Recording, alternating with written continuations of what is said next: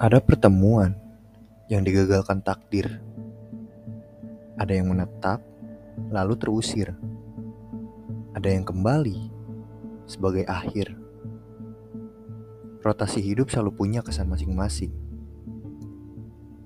Namun, jika hidup serupa putaran arloji, kesan seperti apa yang kamu pilih? Ku jawab, takkan pernah. Akan kugelangi itu di tanganku.